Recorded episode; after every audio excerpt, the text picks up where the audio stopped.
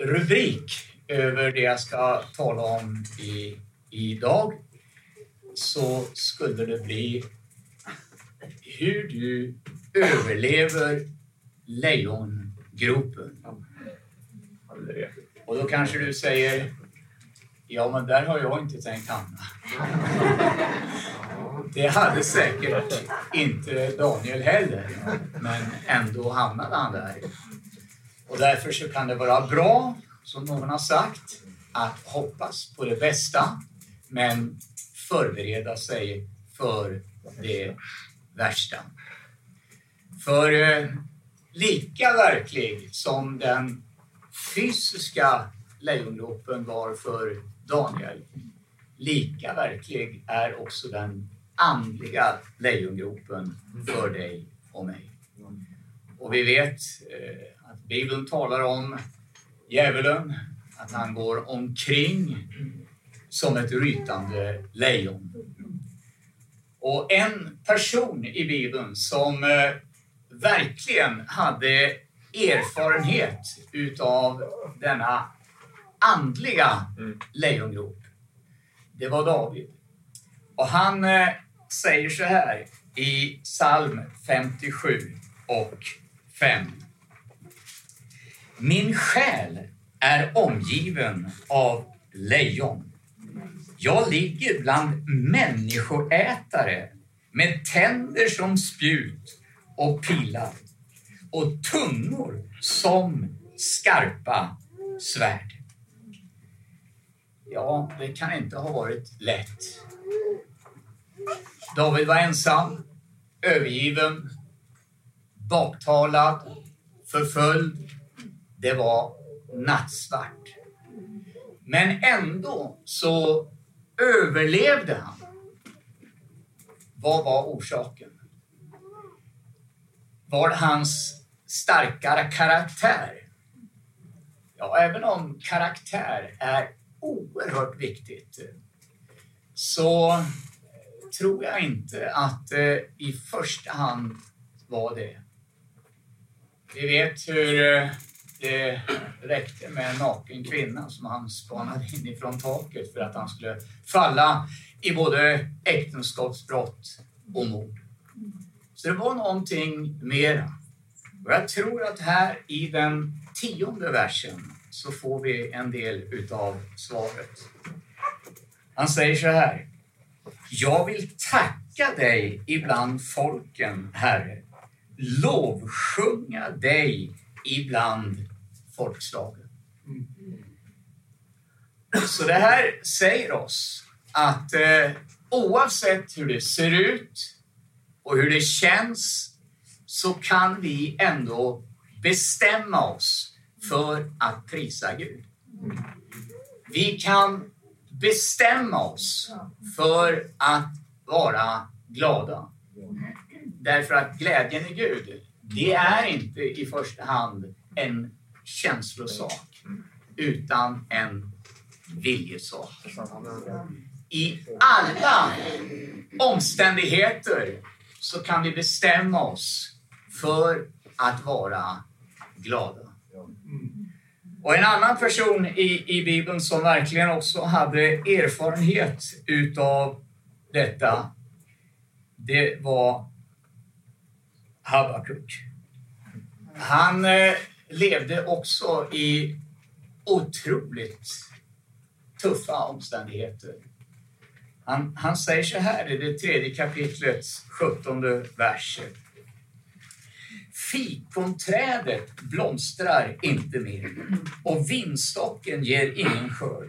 Olivträdets frukt slår fel och fälten ger ingen föda. Fåren rycks bort ur fållorna och ingen boskap finns i stallen. Men så fortsätter han och så säger han Jag vill jubla i Herren och glädja mig i min frälsningsgud. Varför får vi lida bedrövelse? Varför hamnar vi ibland i lejongropen? Jo, det är därför att eh, när vi kommer ut på andra sidan, då kommer vi ut ännu starkare. Det handlar bara om att hålla ut. Så tänk så här. Det stannar inte i lejongropen, i stormen, i öknen, i ugnen. Utan vi ska ut, vi ska över och vi ska igenom. Och då blir vi allt starkare i Herren och i hans underbara kraft. Paulus beskriver också situationen i, i församlingen i Korint. Och han säger så här i Andra Korinthierbrevet 8 och 2. Trots deras många hårda prövningar har ändå deras översvallande glädje och deras djupa fattigdom gjort dem överflödande rika på uppriktig hängivenhet.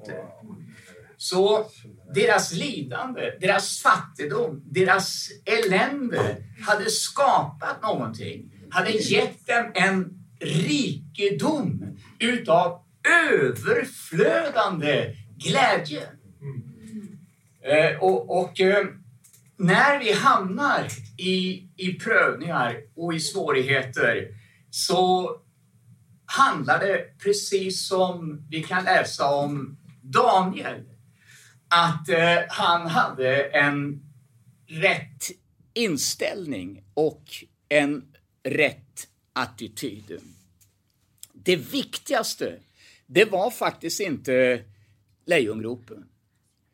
Det viktigaste, det var Daniels inställning till lejongropen. Och det gjorde att när han hörde att han skulle kastas i lejongropen, då fick inte Daniel panik och tänkte, vad ska jag ta mig till nu? Nu får jag verkligen försöka att hitta på någonting utöver det vanliga.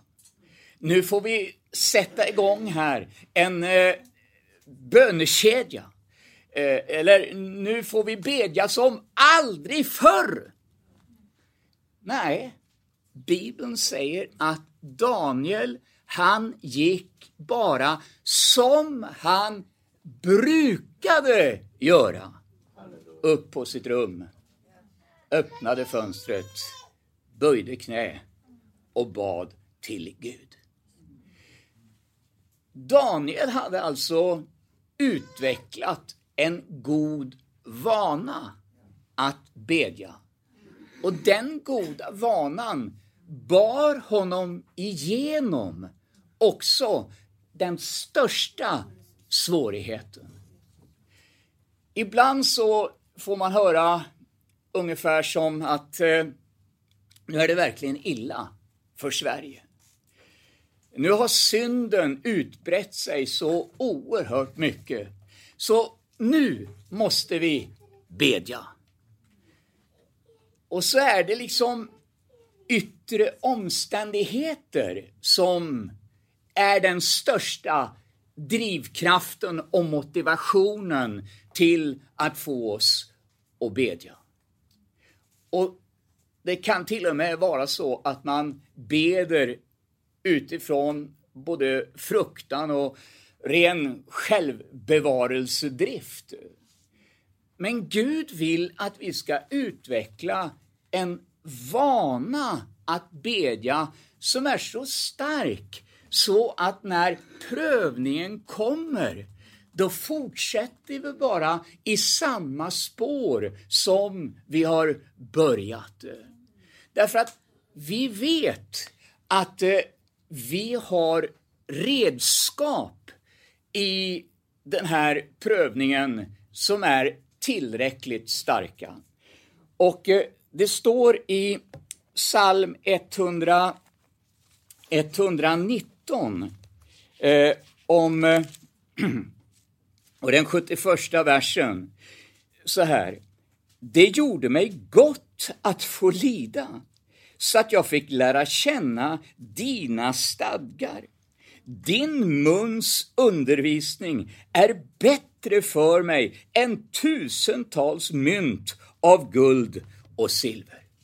Så när vi, när vi ser värdet i Guds ord så förstår vi att det är Guds ord som kommer att bära oss igenom vad vi än kommer att möta. Och Bibeln talar om att de prövningar som vi möter, det är ingenting onaturligt, utan det är sådant, står det, som vanligtvis möter människor. Och i varje prövning så har Gud också berett en utväg. Det handlar bara om att vi använder oss av de vapen som Gud har gett oss. Och Bibeln säger att vi ska låta oss beväpnas med samma sinnelag som Jesus. Det finns ju ingen armé som går ut i striden utan att vara beväpnad. Så vad var det för sinnelag Jesus var beväpnad med? Jo, det står att fastän han var son så lärde han sig ändå lydnad igenom sitt lidande. Han förstod att det, det, var en mening och ett syfte med den väg han gick. Och därför så höll han ut ända till dess att han kunde ropa ut det är fullbordat. Det är den inställningen och attityden som Gud vill att du och jag också ska ha. Att vi inte ger upp, men i Jesu namn håller ut. Jag vet inte om du har hört den här berättelsen om, om de två grodorna som hamnade i gräddhinken. Den ene sa att eh, ja, det här slutar illa. Jag kommer att dö. Det är lika bra att sjunka till botten på en gång. Och så sjönk han och dog. Den andra grodan tänkte, jag simmar på, så får vi se vad som händer. Och så sprattlade han och simmade tills han till slut stod på en klick med grädde och slickade sig om munnen. Alltså, Gud vill att du och jag ska ha en attityd som räknar med Gud. Och det var detta som kännetecknade Daniel. Hur hade det gått om han hade gått till kungen och räknat med honom och sagt Hör du Darujaves, så här kan du väl ändå inte göra. Jag var ju den bäste mannen du hade i hela riket. Du satte ju mig överst över alla de andra förstarna och satrapperna. Och så ska du kasta mig i lejongropen. Du får försöka hitta en lösning. Ja, det är lätt för dig att säga eh, att din Gud ska hjälpa dig, men hoppa i lejongropen själv så får du se hur det går. Och så hade han kunnat försöka argumentera med, med kungen och, och hitta en mänsklig utväg. Det hade inte gått. Därför att kungen var bunden vid en ed och hur gärna han ville så kunde han inte hjälpa Daniel. Men Daniel satte inte sin förtröstan vare sig till kungen eller någon annan människa. Men han vände sig till Gud. Och Bibeln säger så här i Andra Konungaboken 18 och 20 när det talar om, talas om att försöka hitta mänskliga lösningar och vända sig till den här världen som Egypten är en bild på. Egyptiernas hjälp är förgäves och till ingen nytta. Förtröstar du på den brutna rörstaven Egypten? Nej, när man stöder sig på den så går den in i handen och genomborrar den. Och därför så ropar David ut, varifrån ska min hjälp komma? Jo, min hjälp kommer ifrån Herren som har skapat himmel och jord. Står om kvinnan som eh, led av blödningar att hon hade kastat ut allt vad hon ägde på olika läkare, men det hade bara blivit sämre med henne. Står om kung Asa Oaktat sin sjukdom så sökte kung Asa icke Herren utan allenast läkares hjälp. Nu säger jag inte att vi inte ska söka läkares hjälp. Men Felet blir när vi i första hand söker mänsklig hjälp och i andra, tredje, fjärde, femte hand när alla andra mänskliga lösningar är uttömda. Då går vi till Herren. Nej, vi ska först söka Herren. Och sen kan han ge oss tips om det ena och det andra som kan hjälpa oss på ett naturligt sätt. Men vi prioriterar Herren och vi söker honom först och främst. Men Daniel, han hade också en fantastisk karaktär. Eh, det står att eh, man eh, försökte hitta någonting att anklaga honom för. Men eh, hittade ingenting. Och jag kan lova att man verkligen ansträngde sig till det yttersta. Och jag tror att Daniel, han var väldigt glad i det ögonblicket att han inte hade fuskat, varit en ögontjänare och bara varit lite andlig när folk såg honom. Utan i det tysta, när ingen såg, så hade han utvecklat denna goda vana att söka Herren. Och eh, det är när ingen ser i din kammare som du utvecklar de eh, goda vanorna.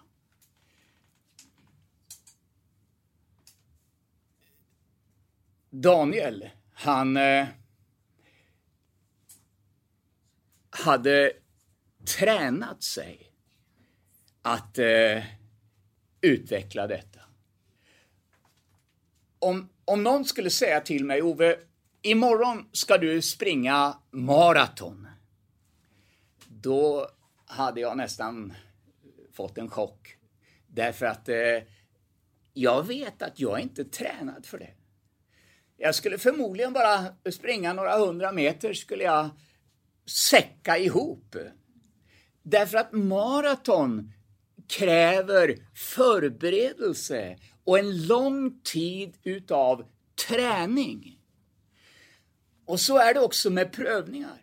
Jag menar, det är inte så lätt att plötsligt i lejongropen få tro för att komma därifrån helskinnad. När du ligger ibland lejonen, då är du fullt upptagen med att bara överleva. När botten har ramlat ur, bilen gått sönder, frysen pajat, barnen blir sjuka, kroppen värker, bankkontot är tomt, eländet kommer över dig ja då sannerligen är det inte helt lätt att bara prisa Gud och, och halleluja vad härligt. Nej, det är innan vi hamnar där som vi behöver förbereda oss, utveckla en karaktär. Och det står om Daniel att han hade en ande utan dess like. Eh, I, I den engelska bibeln så står det att han hade en excellent spirit. Vad var det som gjorde att, eh, att Daniel hade denna utomordentliga ande i sig? Ja, det var just detta att eh, han hade tränats eh, under lång tid och utvecklat de här goda vanorna. Och jag tror att det var så här också att eh, Daniel han, han räknade med att såna här saker skulle hända. Eh, så när det hände, då blev han inte överraskad. Och det är så att ju närmare Gud vi lever, desto mer vi ställer oss till hans förfogande och tjänar honom, desto mer angelägen blir fienden också att attackera oss och knäcka oss. Det står om jobb att eh, eh, Gud sa till åklagaren, har du gett akt på min tjänare jobb? Jo då, det hade han ju sannerligen gjort. Och eh, när vi lever för Gud, då utmärker vi oss i den andliga världen. Och därför kom prövningen över jobb som ett brev på posten. För både åklagaren och Gud var intresserade och se hur mycket substans det fanns i Jobs tro. Och så läser vi om hur allt togs ifrån honom, till och med hans hälsa. Och till slut så sitter han där på askhögen och, och skrapar sin sargade kropp, står det, med en lerskärva. Men i den situationen så ropar ändå Jobb ut. Jag vet att min förlossare lever och att jag fri från mitt kött ska få skåda Gud. Rut fick höra, du har ingen framtid, jag kan inte ge dig någon ny man. Du kommer att vara som en främling. Du kommer att vara utstött, utanför, fattig. Det finns ingen framtid för dig i Israel. Men Rut säger ändå, spelar ingen roll. Din Gud är min Gud. Dit du går, dit vill jag gå. Och så när hennes tro prövades så höll den. Och det ledde till att hon träffade den rike mannen, Boas. Jobs tro och uthållighet ledde till dubbel välsignelse tillbaka. Så håller vi bara ut prisar Gud, förbereder oss så att vi kan vara glada mitt i prövningen, så kommer vi ut med dubbel välsignelse på andra sidan. Dubbelt så använda utav Gud. Därför att nu har vi också erfarenhet så att vi kan ge ett gott råd till andra. Och när vi talar om förföljelse, ensamhet, utanförskap eller vad det nu kan vara för någonting som vi har blivit utsatta för, så har vi Eh, ett ord att säga utifrån en personlig erfarenhet som också kan hjälpa andra människor. Och Det står så här i psalm 18 och 6. Herren är med mig. Jag är inte rädd. Vad kan en människa göra mig? Ja, Människor kan göra vissa saker. Människor kan till och med ta vårt liv. Men eh, det står i Lukas 12 att eh, vi ska inte frukta de som kan döda kroppen. Men vi ska frukta honom som har makt att skicka både kropp och själ i det brinnande Gehenna.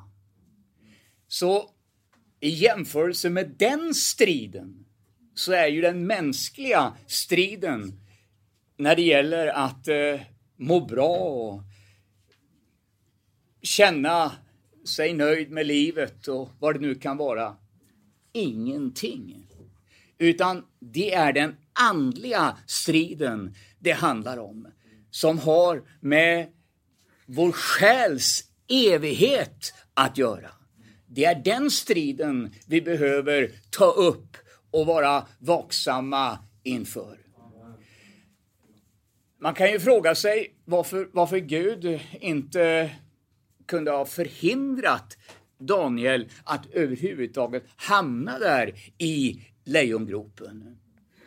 Ja, jag tror att vi får kanske lite grann utav svaret i, i Predikarbokens nionde kapitel där det står ifrån den andra versen att allt händer lika för alla. För den rättfärdige och den ogudaktige, för den gode, den rene och den orene, för den som offrar och för den som inte offrar. Det går den gode som det går syndaren, den som svär en ed lika som den som skyr eden och så vidare. Alltså, vi är inte immuna emot eh, svårigheter och problem bara därför att vi tror på Gud. I, ibland så känns det som att eh, man försöker sälja in frälsningen med olika mänskliga fördelar. Bli frälst så blir du lycklig, glad och nöjd. Och nästan som att man säljer in frälsningen som en gammal begagnad bil. Eh, den går bra, motorn spinner, den här bilen kommer du få glädje utav i många år. Och så talar man om alla fördelar på den gamla bilen. Men frälsningen, det är inte en gammal bil som ska säljas in, utan det är mer ett äktenskap. Och du vet, i ett äktenskap, där lovar man varandra trohet i nöd och lust, i medgång, i motgång, i palatset och i lejonkulan. Vi tillhör Jesus och därför så är vi trofasta emot honom oavsett vad som händer och sker. Om Gud väljer att föra oss in i, i lejongropen eller i ugnen så vet vi att eh, vi har det andliga beskyddet som gör att vi kommer ut, eh, inte halt ihjäl, rivna, uppätna, inte ut ur ugnen eh, brännskadade med röklukt, utan han bevarar oss eh, så att inte ens ett hår kröks på vår huvud. Vår ande är frisk och stark. Och så läser vi om hur kungen efter en natt utav vånda då han eh, eh, gick förmodligen fram och tillbaka och vred sina händer i förtvivlan för att hitta en utväg. Och det står att sömnen vek ifrån honom och han ägnade sig varken åt eh, kvinnor eller mat och dryck eller underhållning utan han kunde bara tänka på David eller på Daniel. Och eh, när han sen på morgonkvisten går till eh, lejongropen eh, så står det han lutar sig över gropen och så ropar han Daniel! Har din Gud, som du så oavlåtligen tjänar, kunnat hjälpa dig? Ja, han hade tydligen lite tro i alla fall, den här kungen. Annars hade han ju aldrig gått dit. Var fick han den tron ifrån? Jo, jag tror han hade sett på Daniels liv. Han hade sett hur Gud hade välsignat honom, hur Gud var med honom. Daniel hade gjort intryck på honom. Så att han fick till och med tro för att Daniel skulle klara sig helskinnad ur lejongropen som förmodligen ingen annan någonsin tidigare i historien hade klarat sig ur. Och så ropar Daniel tillbaka. Ja då, det är ingen fara. Gud sände en ängel som tilltäppte lejonens gap. Han sa inte jag har tränat mig i psykologi och jag har blivit lite utav le lejontämjare så att eh, jag lyckades. Nej du, det handlar inte om psykologi och pedagogik eh, och bara tänka rätt. Men det handlar om att ha med himmelens Gud att göra. Att samarbeta med de änglar som Bibeln säger att de är allesammans utsända för deras skull som ska få frälsning till arvedel. Om en enda ängel kunde ta itu med 165 000 man utanför Samarien och eh, ödelägga dem allesammans. Eh, hur mycket mer ska då inte den änglaskara som Gud har satt till vårt förfogande kunna hjälpa oss eh, ur de mest hopplösa och omöjliga omständigheter? Absolut. Detta är inte en garanti för att vi ska slippa svårigheter. Vi vet hur många utav de första kristna, de eh, fick ge sina liv ibland de vilda djuren. Eh, Petrus blev korsfäst upp och ner. Paulus blev halshuggen. Eh, Jeremia Jeremias söndersågad och så vidare. Så kan vi räkna upp genom hela historien hur Guds församling har utsatts. Men när det gäller den andliga striden, att övervinna djävulen och få honom att fly bort ifrån oss, där har Gud gett oss mer än seger. Och det handlar bara om att använda sig utav de vapen som Gud har ställt till vårt förfogande. Att ha det sinnelag som Jesus hade, att lyfta trons sköld, att stå honom emot i tro. Då är löftet att han ska fly bort ifrån oss. Halleluja! Åh, vi behöver aldrig vända ryggen till honom därför att på ryggen så har vi inga vapen. Men eh, vapnen de har vi framför oss. Andens svärd som är Guds ord, som är värt mer än alla mynt utav silver och guld. Och eh, trons sköld som vi kan övervinna den ondes alla brinnande pilar med. Halleluja! Så oavsett hur du känner det, hur du har det, så har du rättighet att prisa Gud. Och du har rättighet att fröjda, sig, fröjda dig och vara glad i Jesus Kristus. För tänk så här, jag är i alla fall på väg till himlen. Jag är frälst och jag är en himlamedborgare och snart så är jag hemma och jag ska hålla ut eh, i den sista striden och snart så är han här och så lyfter han oss hem och, och in i staden som han har förberett åt oss. Därför betyder denna tidens lidande ingenting i jämförelse med den härlighet som ska uppenbaras på den som tror. Halleluja!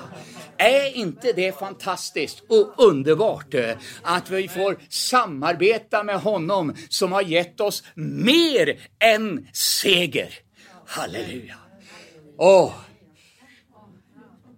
vi har anledning att fröjda oss eh, och vara glada i Jesus Kristus. I Jesu namn. Amen.